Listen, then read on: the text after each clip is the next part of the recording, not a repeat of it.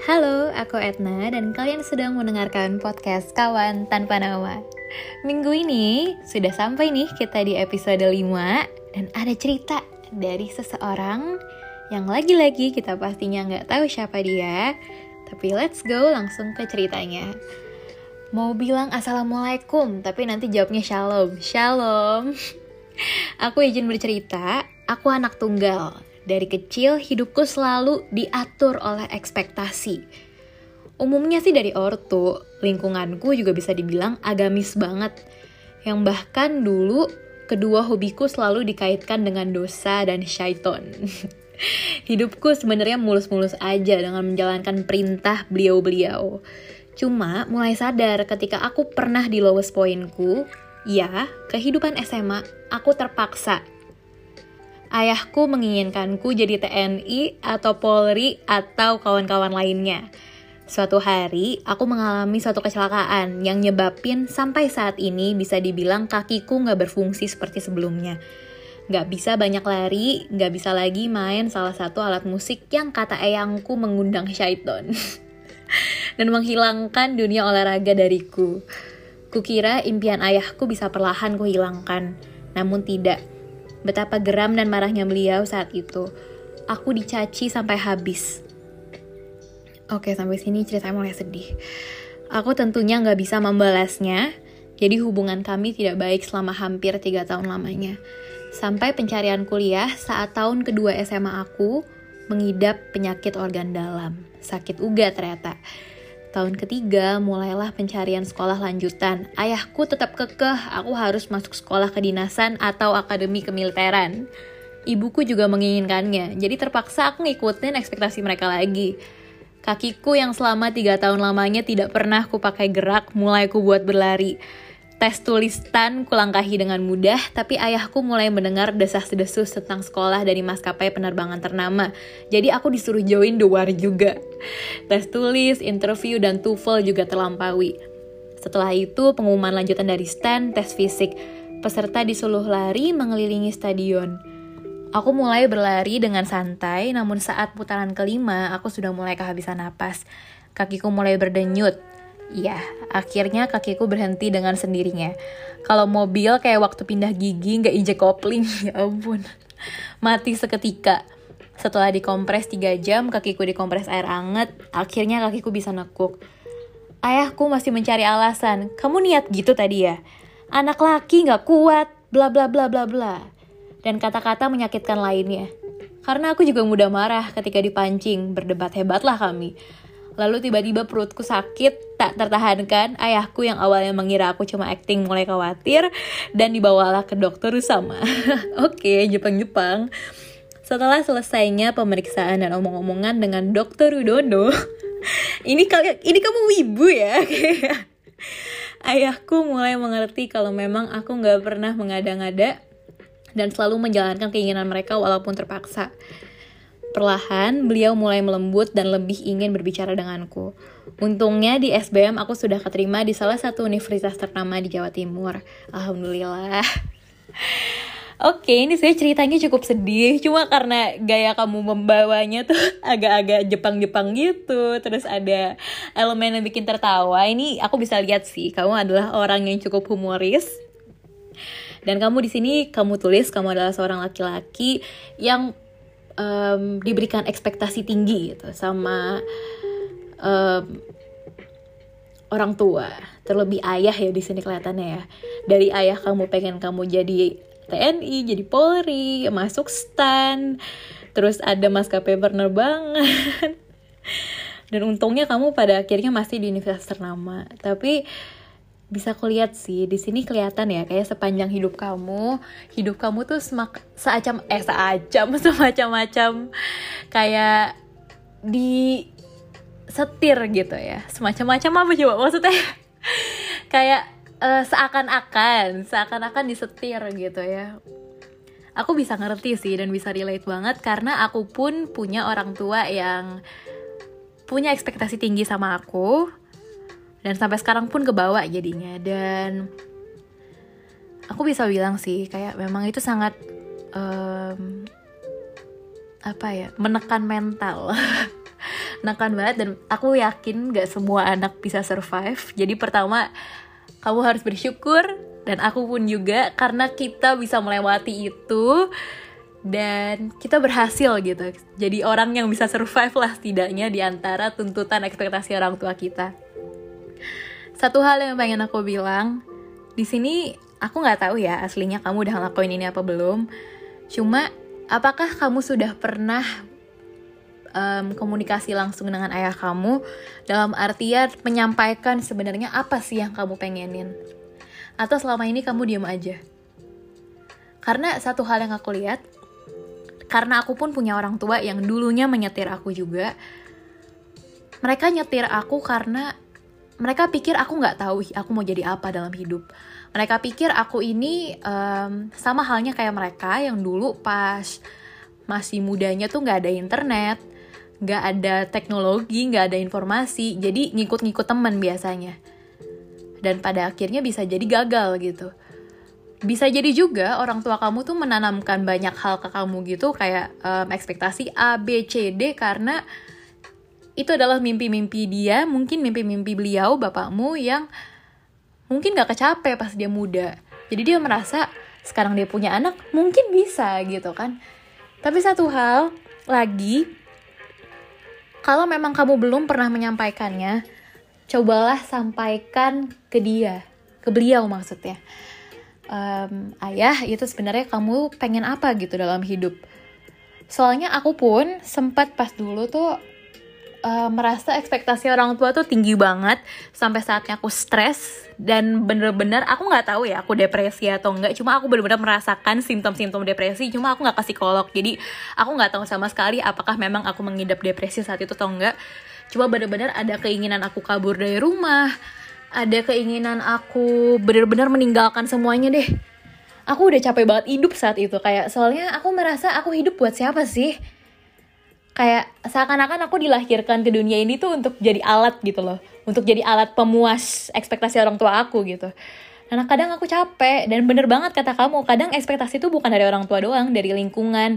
Dan karena kita memang dari keluarga itu um, dididiknya tuh ekspektasi setinggi itu kita terbiasa gitu. Kalau misalnya kita ada di mana pun kita mulai mencari apa sih yang orang ekspektasiin dari kita gitu dan itu sebenarnya cukup toksik untuk diri sendiri dan pada akhirnya itu yang biasa buat diri kita merasa gelap gitu di sini pun kelihatan kamu kan sebenarnya ada hobi yang main alat musik yang kata oma kamu ini um, mengundang syaiton gitu ya kan aku bisa mikir mungkin ini musik-musik metal mungkin ya atau um, heavy rock atau semacamnya gitu.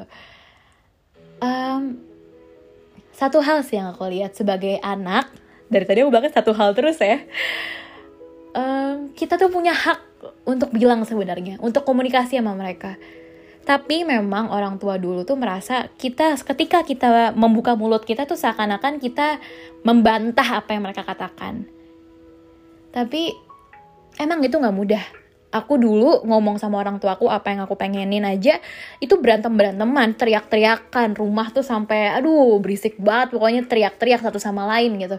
Dan itu kalau orang lihat keluarga lain lihat mungkin ya ampun ini anak nggak sopan banget sama orang tua gitu segala. Cuma aku nggak menyesal sampai sekarang aku pernah melakukan hal itu karena ya gini aku bisa sampai teriak-teriak dan mereka pun bisa sama-sama sampai teriak-teriak juga. Itu karena bukti gitu loh. Itu udah bener-bener kebungkam sekian lama. Kalau memang dari dulu aku dibiarkan untuk berbicara dan mereka juga mau mendengarkan gak mungkin aku nadanya sampai sekencang itu. Gak mungkin aku sampai burst out kesannya kayak gitu. Nah menurut aku saran terbaiknya adalah mumpung orang tua kamu masih di sini mumpung ayahmu ibumu masih ada kalau memang kamu belum pernah komunikasiin apa yang kamu bilang apa yang kamu pengen, please kasih tahu mereka. Sebagai orang tua, aku yakin sekeras-kerasnya mereka, sekasar-kasarnya mereka, mereka akan luluh kok sama apa yang sebenarnya ayah anaknya inginkan maksudnya. Um, aku pun juga dulu pas ngomong tuh agak bergetar gitu sih, bergetar, mau nangis, terus habis itu marah, habis itu nangis lagi. Tapi itulah emang ekspresi yang aku rasakan gitu. Selama ini aku merasa aku nggak sempet untuk ngomong ke mereka apa yang sebenarnya aku pengenin. Karena aku begitu sibuk melakukan ekspektasi mereka. Dan aku cuma manusia gitu kan. Ya aku kalau di yang aku tahu ya yang dan yang aku percaya juga sehebat-hebatnya manusia berencana tetap rencana Tuhan yang terjadi gitu kan.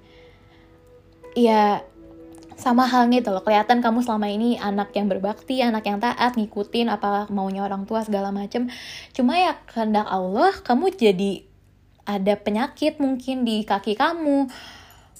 Um, apa ya aku nggak bilang kamu harus bersyukur atas penyakit yang Allah berikan gitu enggak lah pastinya. Cuma aku yakin Allah tuh membiarkan kamu um, mempunyai kaki yang mungkin lemah saat ini sampai hingga saat ini tuh karena aku yakin ada satu alasan gitu loh.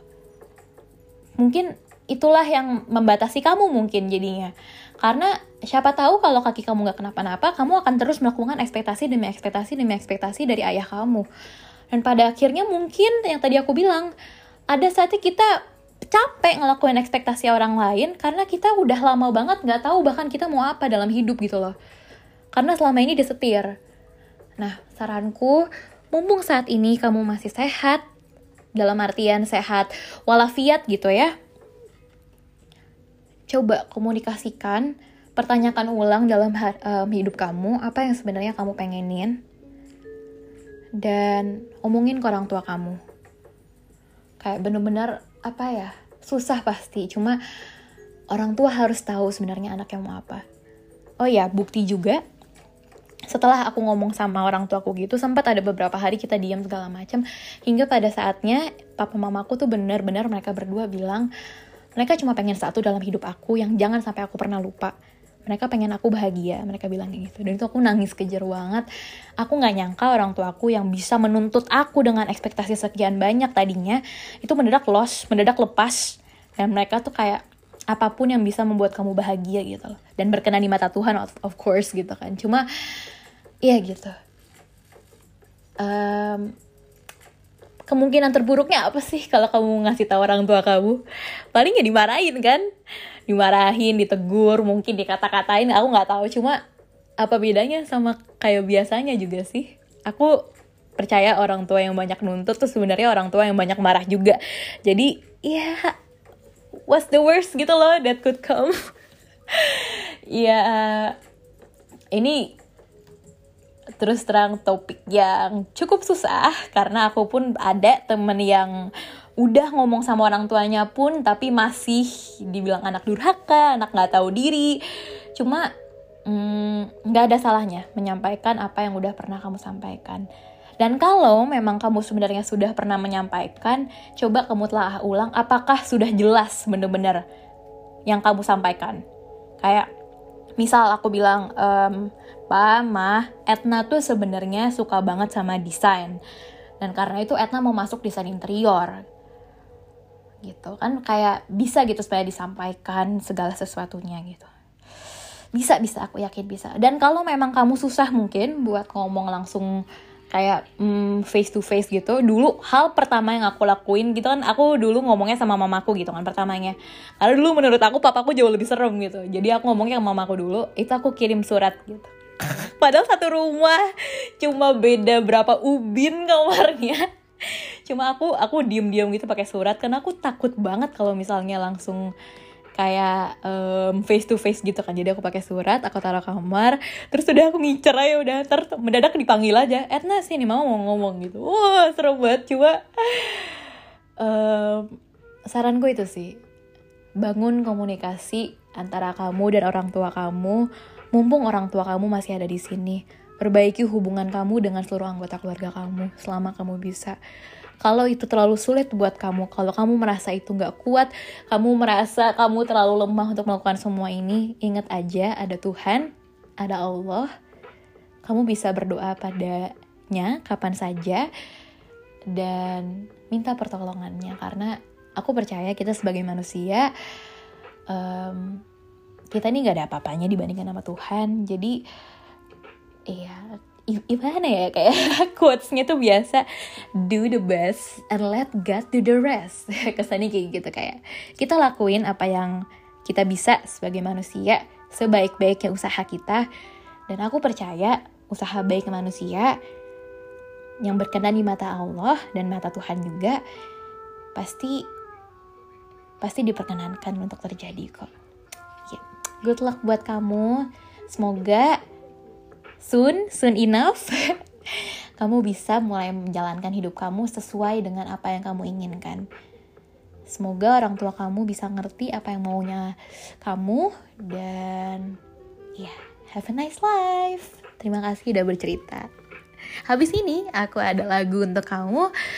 Aku nggak tahu ya taste-nya cocok apa enggak buat kamu yang tadi mungkin suka heavy metal atau rock ini. Cuma ya coba didengarkan dulu aja. Sekian.